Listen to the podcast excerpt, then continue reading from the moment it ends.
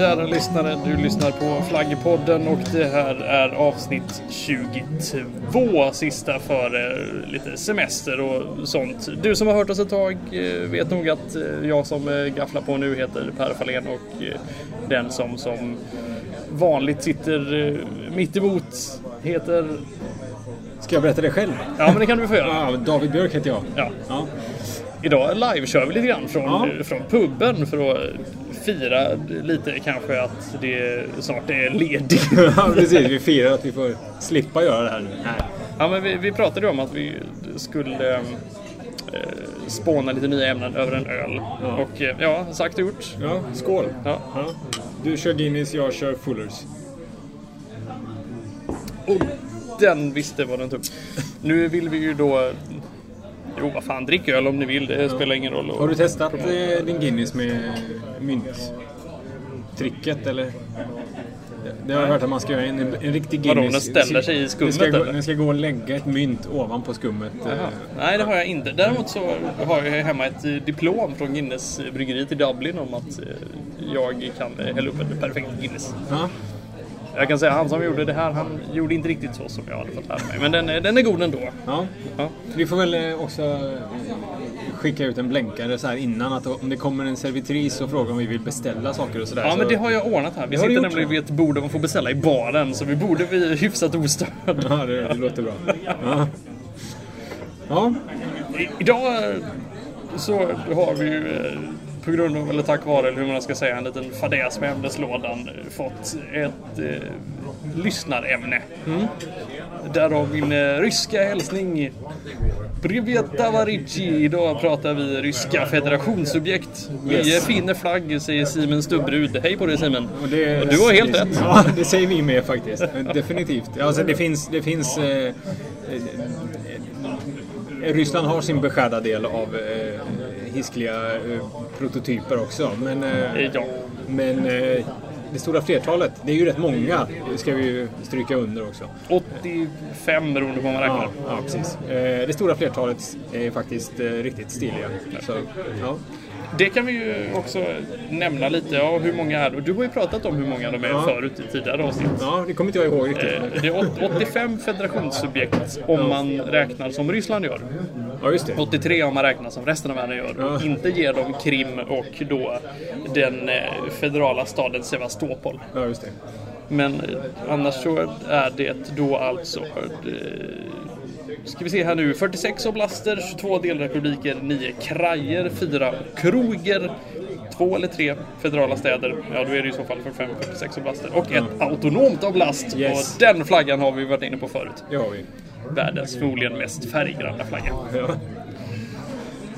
Och, eh, men de här är ju då indelade också i åtta federala distrikt. Så man har inte, det är inte bara gått bananer med eh, massvis med eh, federationssubjekt. Men de har då sorterat ihop dem hyfsat. Mm. Det är ju Ryssland stort utan bara fasen. Så att, ja. Precis, exakt.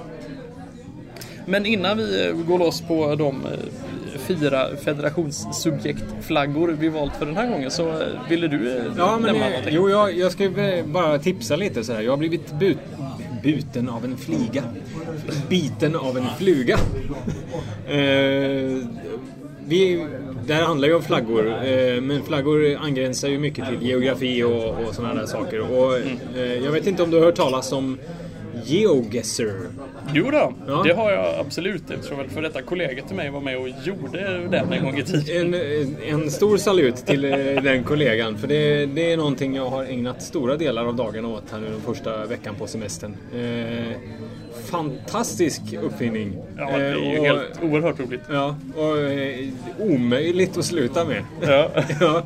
Eh, för er som inte vet vad det betyder så är det alltså så använder man Google Maps och eh, beroende på, det finns massa olika kategorier man kan välja. Man kan välja eh, europeiska fotbollsstadion, eh, stadium, stadium. Arenor. Ja, arenor. Bra, bra ord. Eh, till exempel, och då, då, blir, då, får man, eh, då blir man placerad eh, geografiskt eh, via Google Maps på en fotbollsarena och sen så gäller det att lista ut vilken fotbollsarena det är. Och så ska man eh, då försöka komma geografiskt så nära som möjligt och så får man eh, maximalt 5000 poäng. Eh, Jag brukar spela på Sverigekartan, tycker jag är roligt. det har inte jag gjort. Jag har hållit mig till Famous Places och European Football Stadiums och eh, Capitals Okej. hittills. Till största delen skulle jag säga. Ja. Ja. Ja, men jag tycker, det, ja, men jag tycker den är rolig. Jag gillar den här Sverigekartan just för att ibland så känner man faktiskt igen sig. Ja, det, det, det borde jag också kunna göra. Jag är ändå eh, hyfsat berest i, inom landets gränser, skulle jag säga. Ja, det, är, det är bara Gotland som vi ska se fast så jag kan åka dit. Ja, just det. Ja.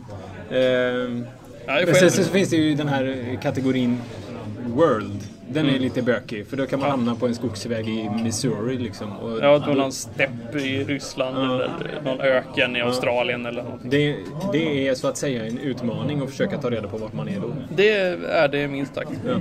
Jag har ju själv varit ute och rest lite på mig i, i Rest lite på mig. ja.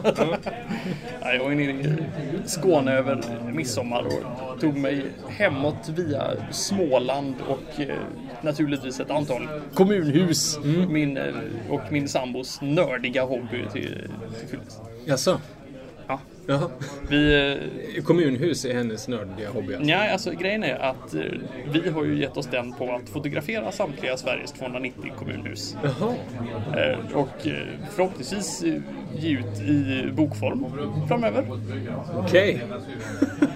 Intressant. M- Mest är det ju för att har man varit i alla kommunhus, ja då har man varit i alla Sveriges 290 kommuner. Ja. Och det är också då, det är ju roligt att se sig omkring.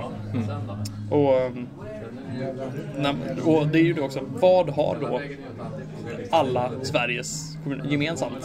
Som dessutom är väldigt tråkigt och då väldigt roligt att fotografera. Ja. Jag gillar ju sådana här böcker som tråkiga vykort och så. här. Jag älskar sådana böcker.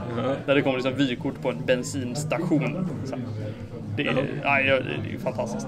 Det tycker jag är roligt. Så att, det- ja, det blev några kommunhus längs vägen. okej. Ja, ja. Aneby och Eksjö och Vetlanda. Därav att jag var i Vetlanda Ja, just det. Jag smsade ju dig. Aneby kommun eh, ligger mig faktiskt ganska varmt om hjärtat. Jag har en god vän som bor utanför och haft mycket roligt i Aneby. Ska jag säga. Det, ja, Det går- kan man inte tro. Nej, det kan man verkligen inte tro. Det när går att ha roligt i Aneby, men det, allt beror på sällskapet som i alla andra fall. Ja, jo, det kan jag tänka mig. Ja.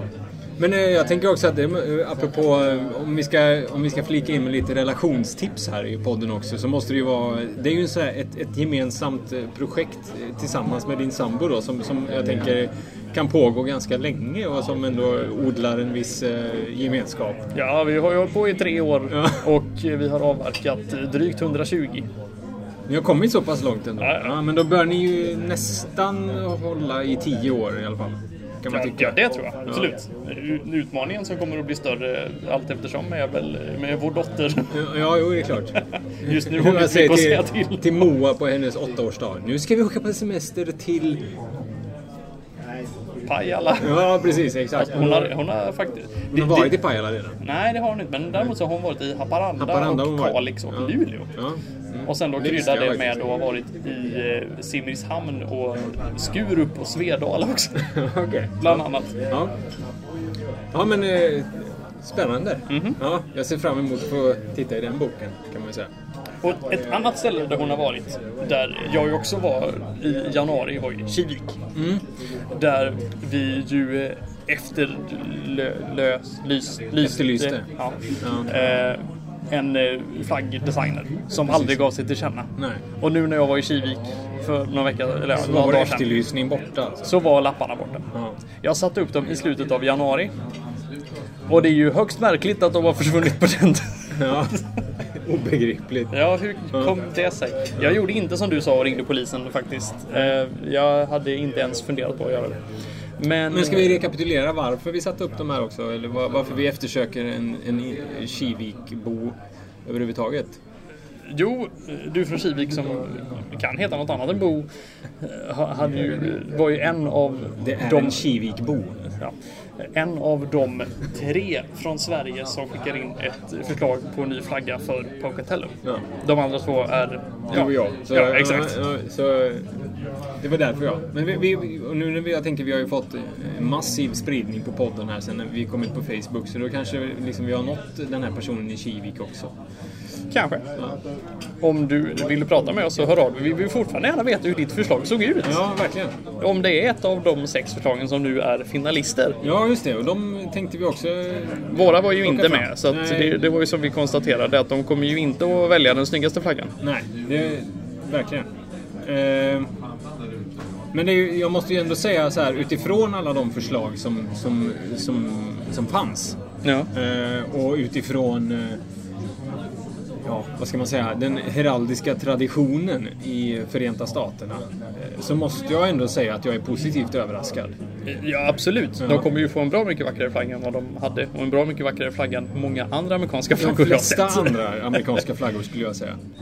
Eh, Även om några av dem känns väl lite sisådär. Det är någon Ja, sorts eh, kryssmönster som jag inte Ja, riktigt precis. Det vet vad jag det ser väl snöflingor typ ser ut som nästan va? Eller Ja, ja, något ja, lik- jag alltså, Fast inte riktigt lika... det ser ut som en överkryssad hashtag. Ja. Nej, nej De jag är vet. lite underliga. eh, Ja. Det ser mer ut som en, liksom, jag tycker, en- vinterolympisk flagga på något vis. Ja, men lite så faktiskt. Ja. Och jag vet inte, Pocatello kanske ska söka vinter-OS här framöver. Det är ingen som vet det. Men... Ja, då har de ju i så fall loggan färdig om de väljer den.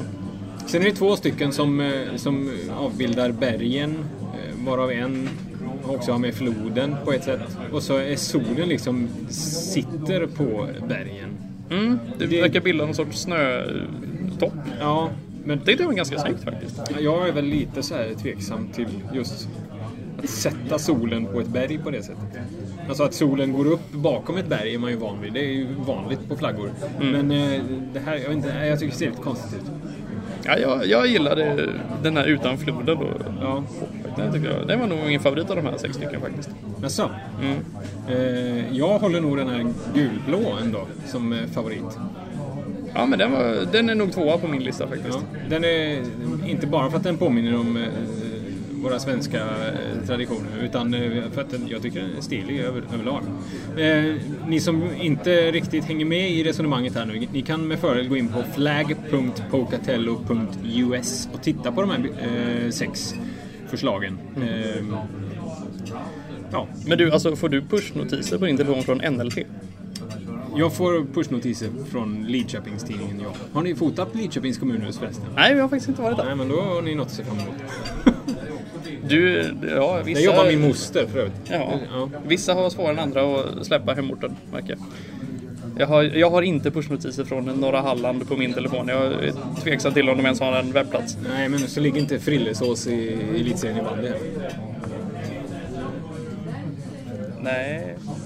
Men eh, Aranäs spelar elitserien i handboll. Det är alltid något. Ja. Nåja. Eh, Ska vi ge oss på ämnet då kanske? ja, jag hade ju en grej till. Ja, du hade en grej till. Ja. Oj, oj, oj. Jo, men jag har ju berättat tidigare om att eh, jag följer på Reddit eh, lite olika typer av eh, Ja, just det. eh, trender och, och så vidare.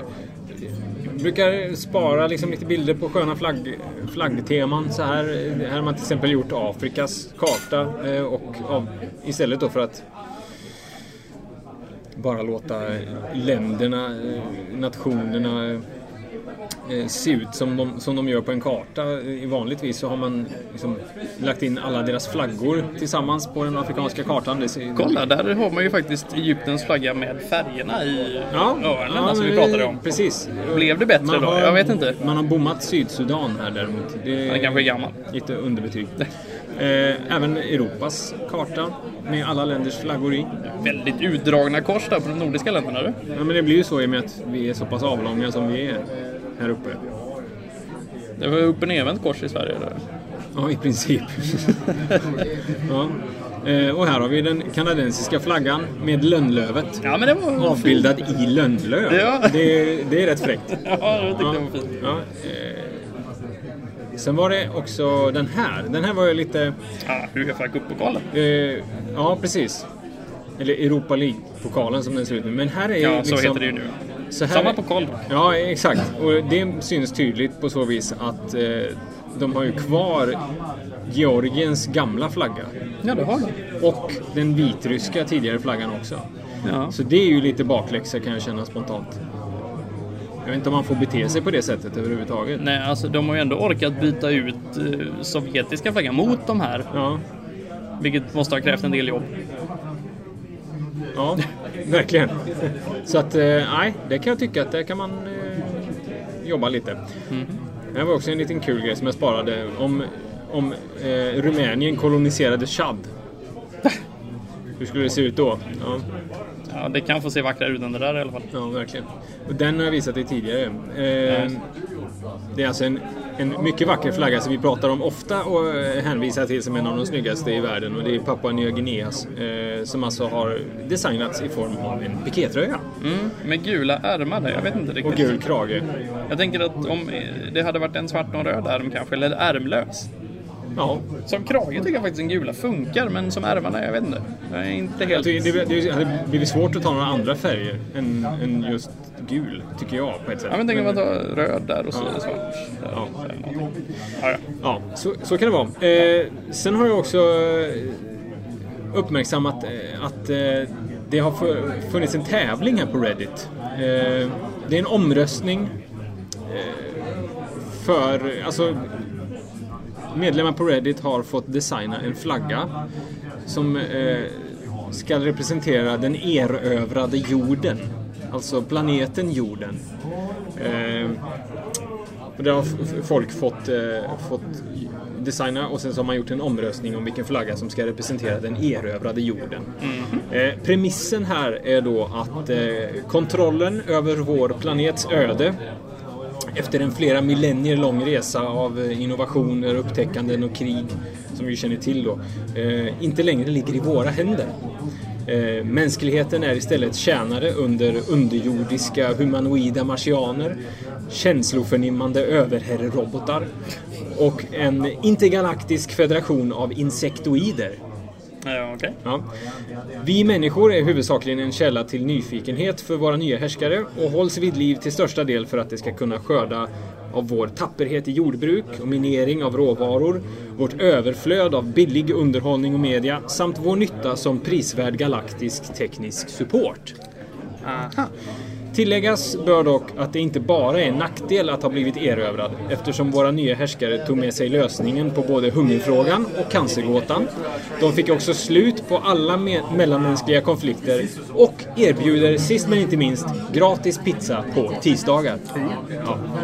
Och eh, det här var alltså premissen. Sen har folk fått skicka in sina egna bidrag och eh, vinnaren blev De har redan utsett vinnaren. Vinnaren är den här flaggan. Den ser lite ut som en varningssymbol. Lite så faktiskt. Det är så här huvudled fast orange. Ja. Och blå och grejer. Det här, nu, det här, vi har ju varit inne på den här problematiken tidigare med att, att eh, beskriva något så extremt visuellt som en flagga. Men att beskriva den här flaggan är väldigt komplicerat skulle jag säga. Ja, men då skulle jag väl säga att den är mörkblå och eh, vit och en någon sorts orange huvudledsymbol här med någon sorts böj och en ring på och sen så går det lite vita streck ut från den. Ja, exakt så faktiskt. Vi kanske får lägga upp den här, jag vet inte. Eh, Kanske vi kan. Ja.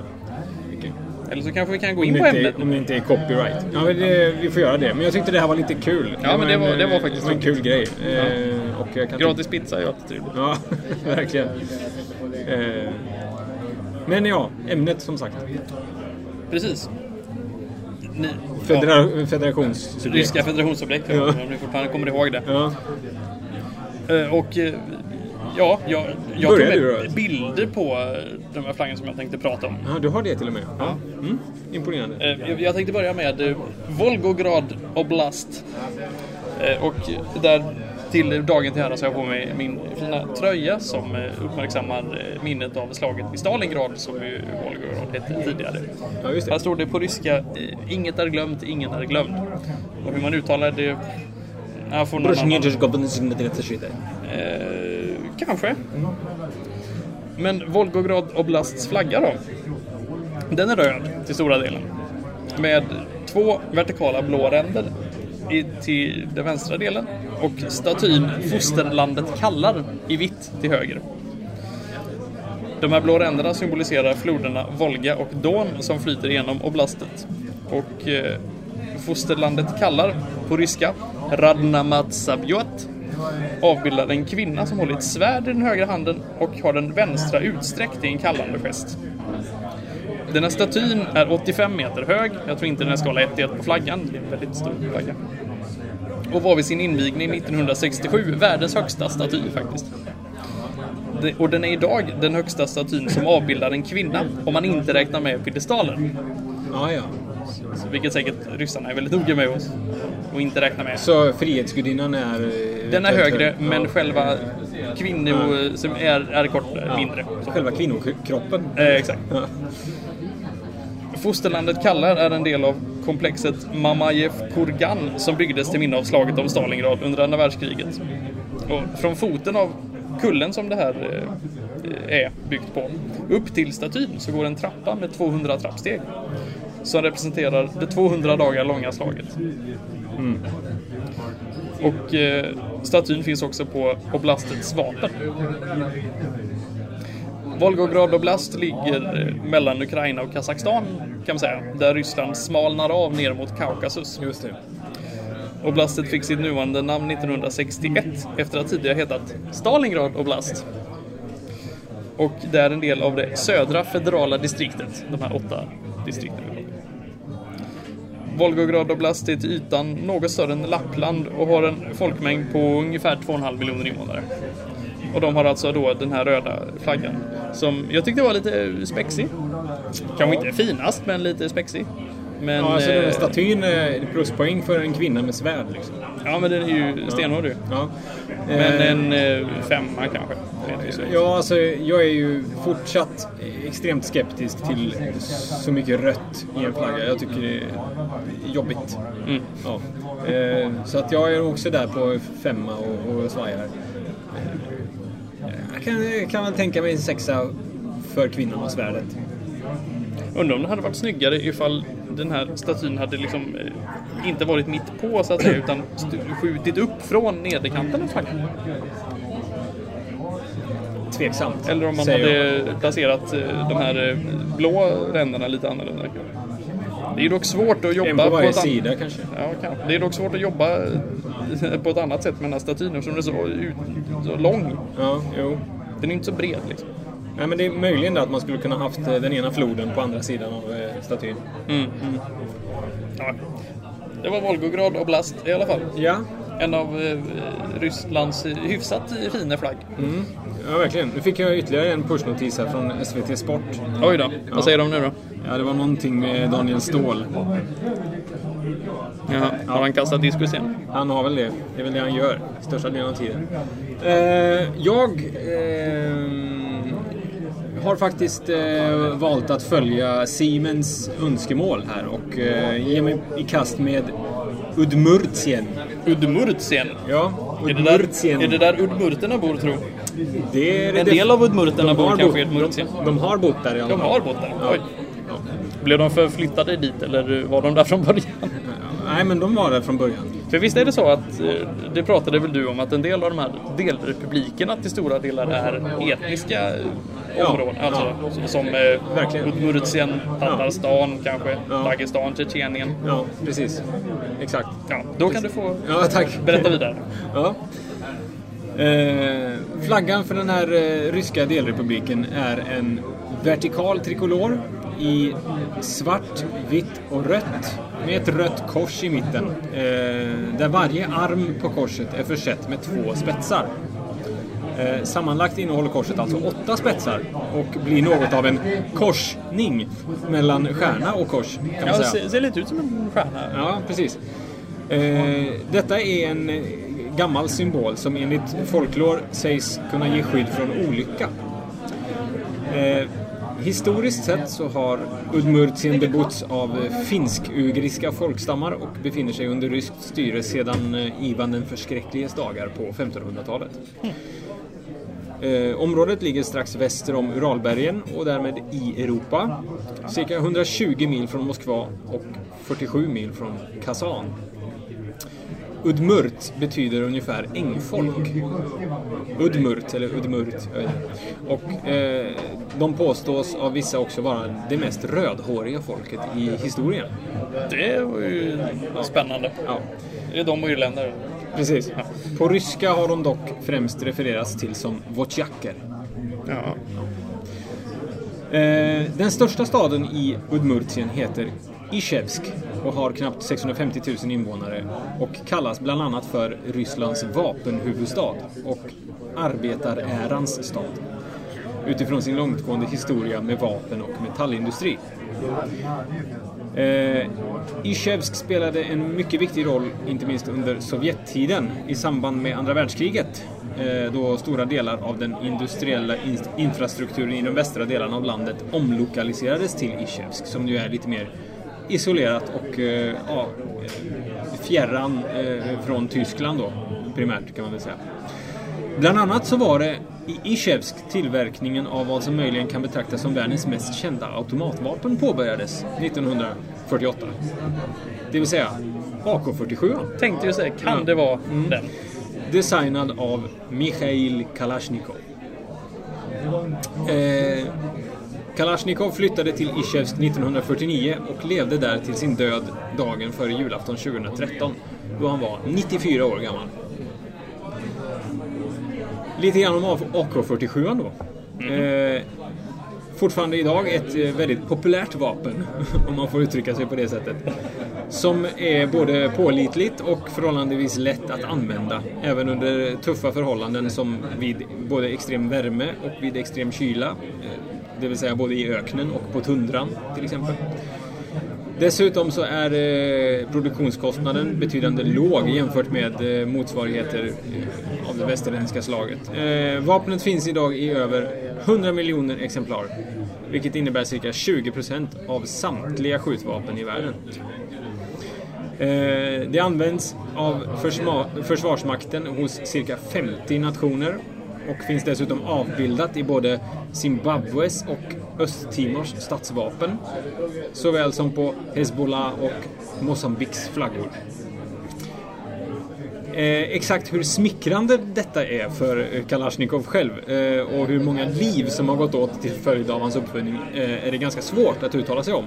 Men i januari 2014 så publicerade tidningen Isvets Isvetstia Det är svårt. Ja, eh, ett brev som Kalashnikov ska ha skrivit till den ryska ortodoxa kyrkans patriark ett halvår före sin död. I brevet så lät han påskina att han som praktiserande ortodox kristen led spirituellt av tanken på att indirekt ha bidragit till eh, ett ganska stort antal människors död.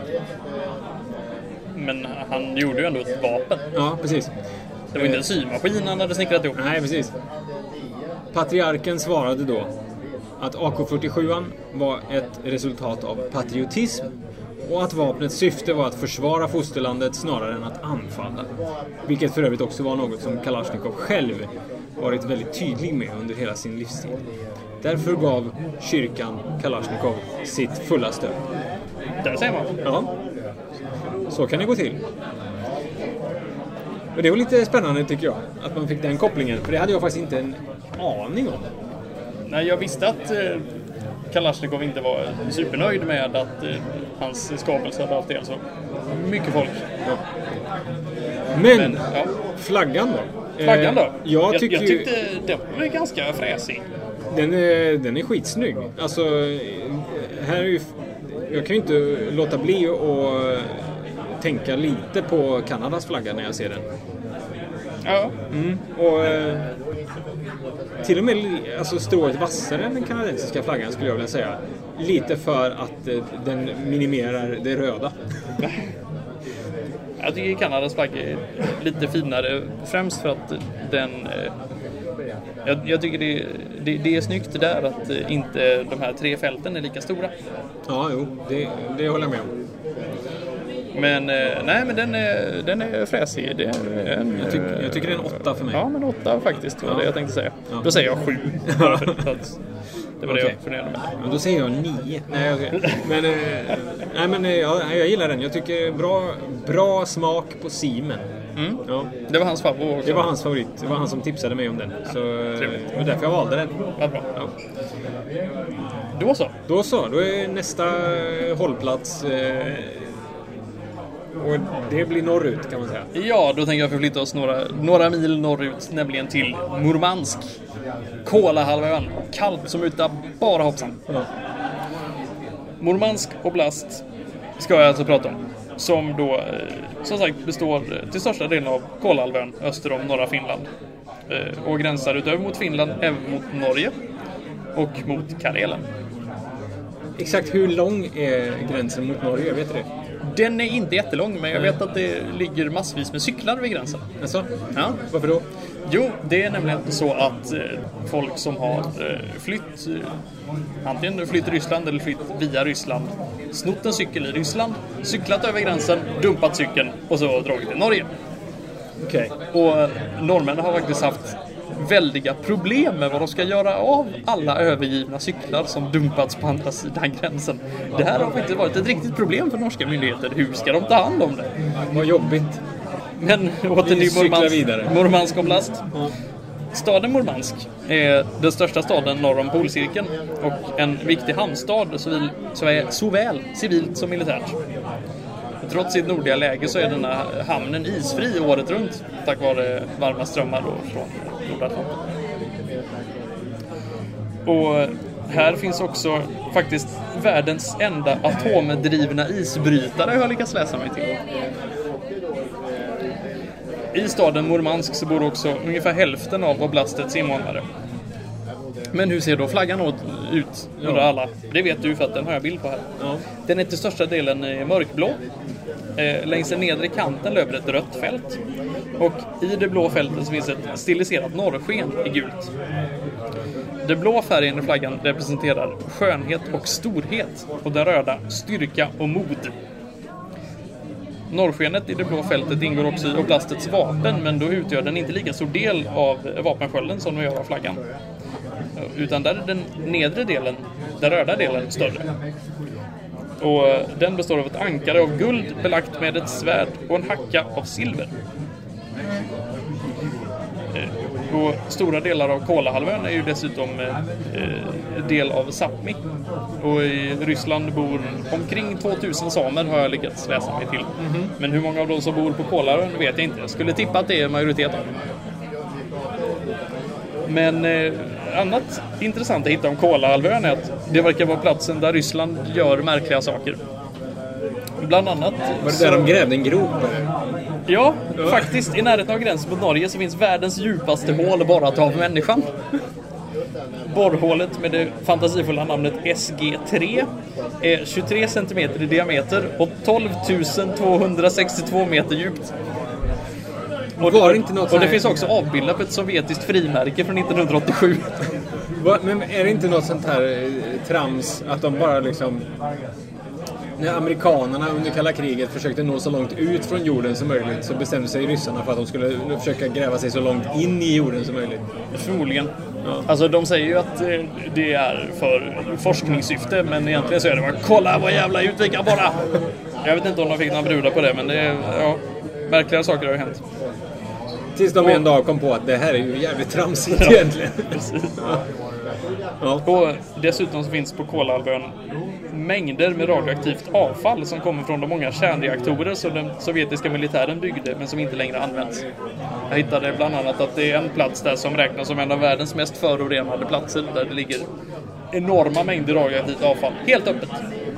Underbart. Så det, Det kommunhuset kommer ni inte att fotografera kan man säga. eh, det känns bra att vi inte ska fotografera ryska kommunhus kan jag säga.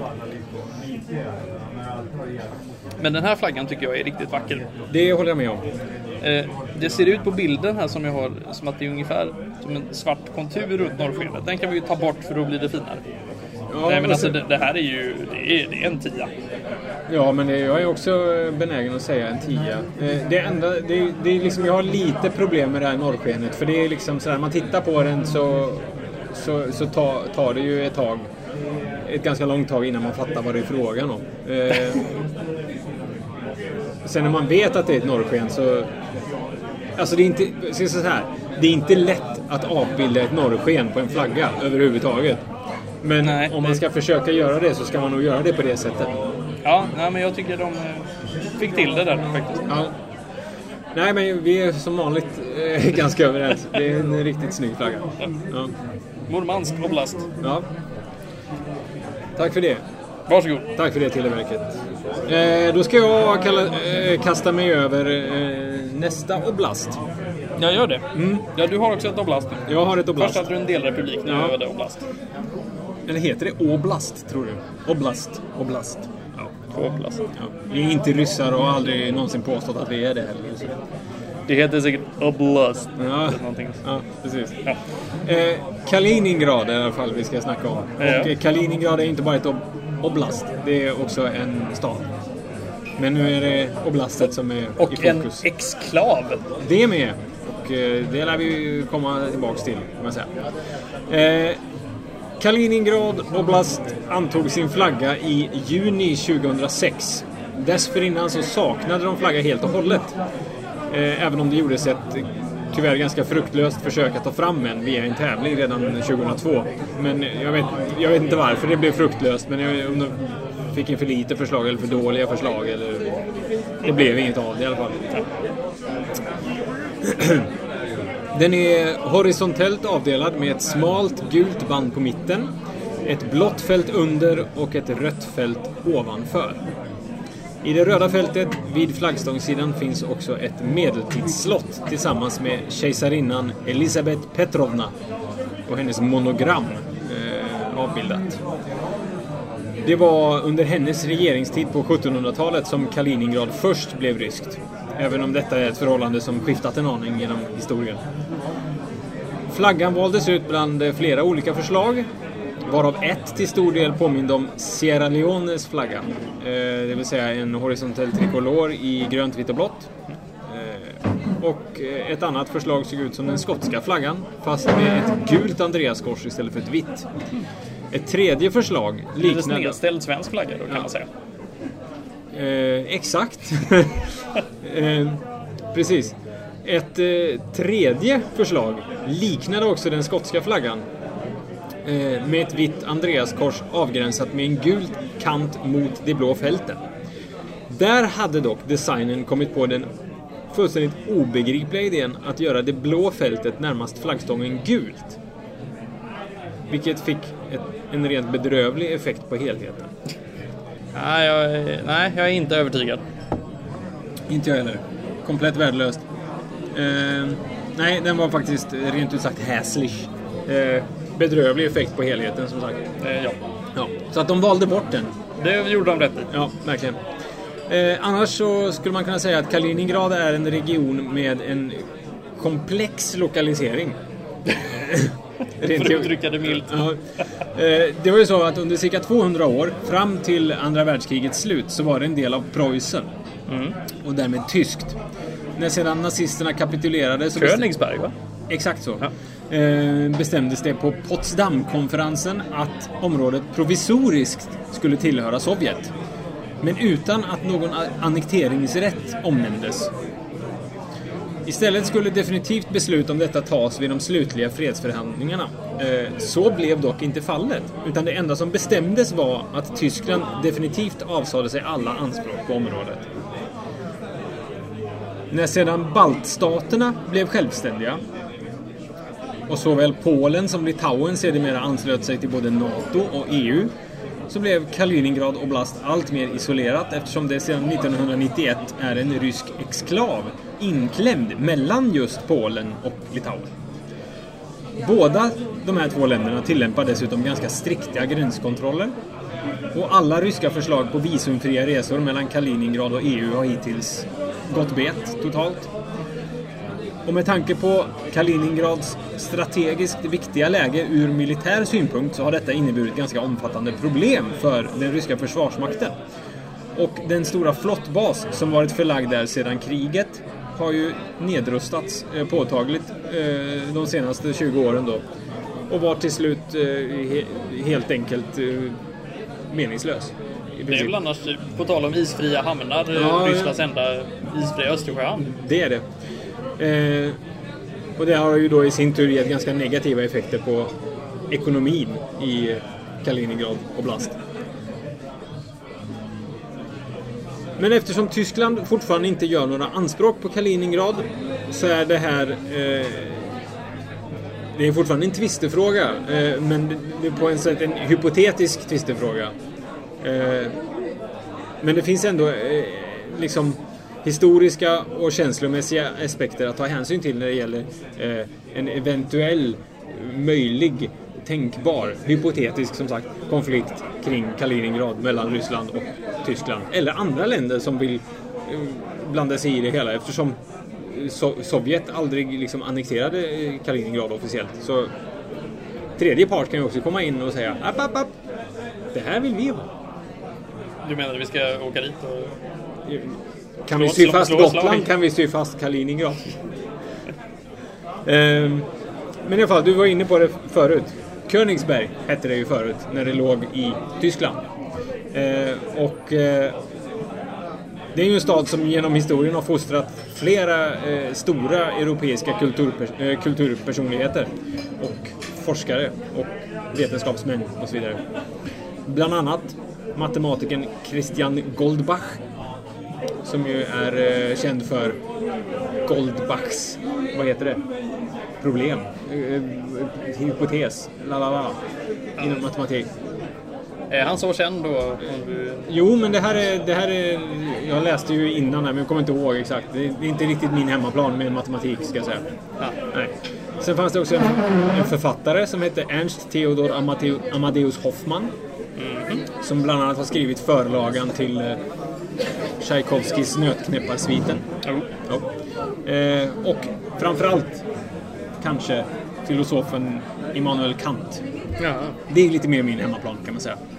Eftersom jag har Det var till och med någon jag har hört talas om. Ja, jag har nyligen utbildat mig till eh, specialistsjuksköterska i psykiatri och eh, det är ju eh, ett område med ganska stor etisk fundament. Så.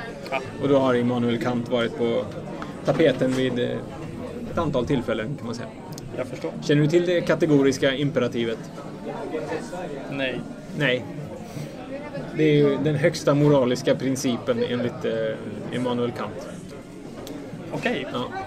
Det innebär i princip att varje gång du ställ- ställs inför ett moraliskt dilemma av något slag så ska du välja det alternativ som i sin maximerade effekt enligt dig skulle kunna vara en allmän naturlag.